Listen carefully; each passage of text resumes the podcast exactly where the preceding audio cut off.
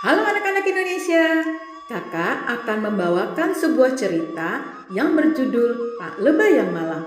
Cerita ini berasal dari Provinsi Sumatera Barat. Sebelum mendengarkan cerita kakak, apakah adik-adik ada yang tahu arti kata hulu? Ya benar, hulu adalah tempat suatu sungai bermula. Kalau arti kata hilir? Benar sekali, hilir adalah ujung akhir bagian dari sungai. Kira-kira ada yang tahu tidak? Kenapa Pak Lebay disebut sebagai Pak Lebay yang malang? Yuk kita dengarkan ceritanya. Zaman dahulu ada seorang yang bernama Pak Lebay. Dia tinggal di pondok sederhana di dekat sungai. Untuk menghidupi dirinya, Pak Lebay menangkap ikan di sungai dan menjualnya ke pasar. Di desa tempat tinggal Pak Lebay, sampan digunakan sebagai alat transportasi.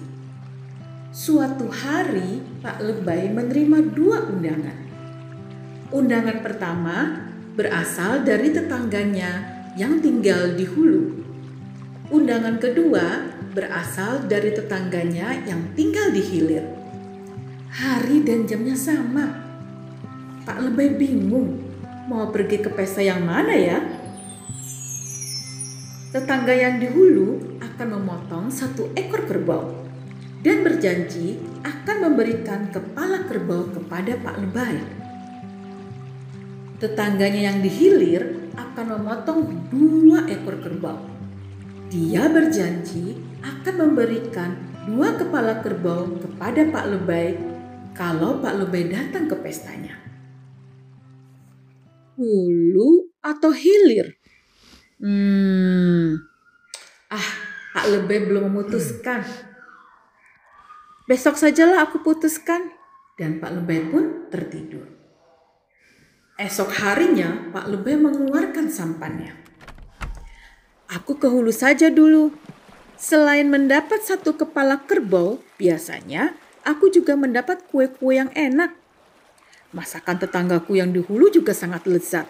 Pak Lebay berkata dalam hati. Pak Lebay pun mendayung dengan penuh semangat. Di tengah perjalanan, tiba-tiba Pak Lebay berpikir, tapi tetanggaku yang di hilir akan memberikanku dua kepala kerbau. Walaupun masakannya tidak selezat yang di hulu, dengan dua kepala kerbau, aku tidak usah mencari ikan selama empat hari. Lebay pun berputar arah. Dia mendayung sampan ke arah hilir. Dia mendayung dengan sekuat tenaga supaya cepat sampai. Tapi di tengah perjalanan, Pak Lebay berpikir lagi. Adik-adik tahu apa yang dipikirkan oleh Pak Lebay? Hmm, sepertinya lebih baik aku ke hulu saja. Meskipun dapat satu kepala kerbau, tapi kue-kuenya pasti banyak. Cukuplah selama dua hari tidak mencari ikan. Lagi pula masakannya sangat lezat. Wah, aku sangat lapar. Lebay pun dengan cepat memutar arah sampan ke arah hulu. Tapi di tengah perjalanan, Pak Lebay berpikir lagi. Adik-adik tahu apa yang dipikirkan oleh Pak Lebay? Ya, Pak Lebay memutuskan untuk pergi ke hilir. Dua kepala kerbau akan membuat aku bisa bermalas-malasan di rumah selama empat hari. Pak Lebay pun memutar arah sampannya ke hilir.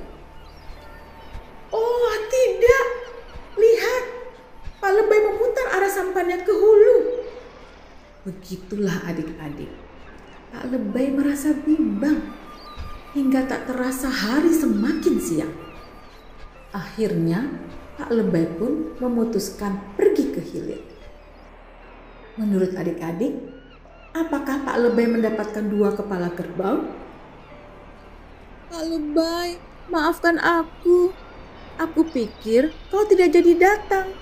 Jadi kepala kerbau kuberikan kepada yang lain. kata tetangga Pak Lebay yang tinggal di hilir. Pak Lebay pun bergegas mendayung sampahnya ke arah hulu. Menurut adik-adik, apakah Pak Lebay mendapatkan satu kepala kerbau? Pak Lebay, maafkan aku. Aku pikir kau tidak jadi datang. Jadi kepala kerbaunya kuberikan kepada yang lain. Kata tetangga Pak Lebay yang tinggal di hulu. Akhirnya Pak Lebay tidak mendapatkan apa-apa dari tetangganya yang di hulu maupun di hilir. Nah, sejak saat itu Pak Lebay dipanggil sebagai Lebay yang malang. Begitulah cerita Pak Lebay yang malang. Demikian cerita dari kakak. Sampai berjumpa lagi.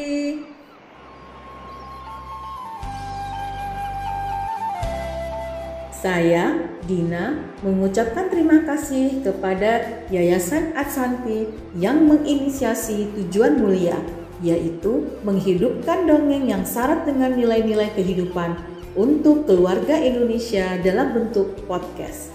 Podcast Dongeng Nusantara, dengerin dongeng dari rumah.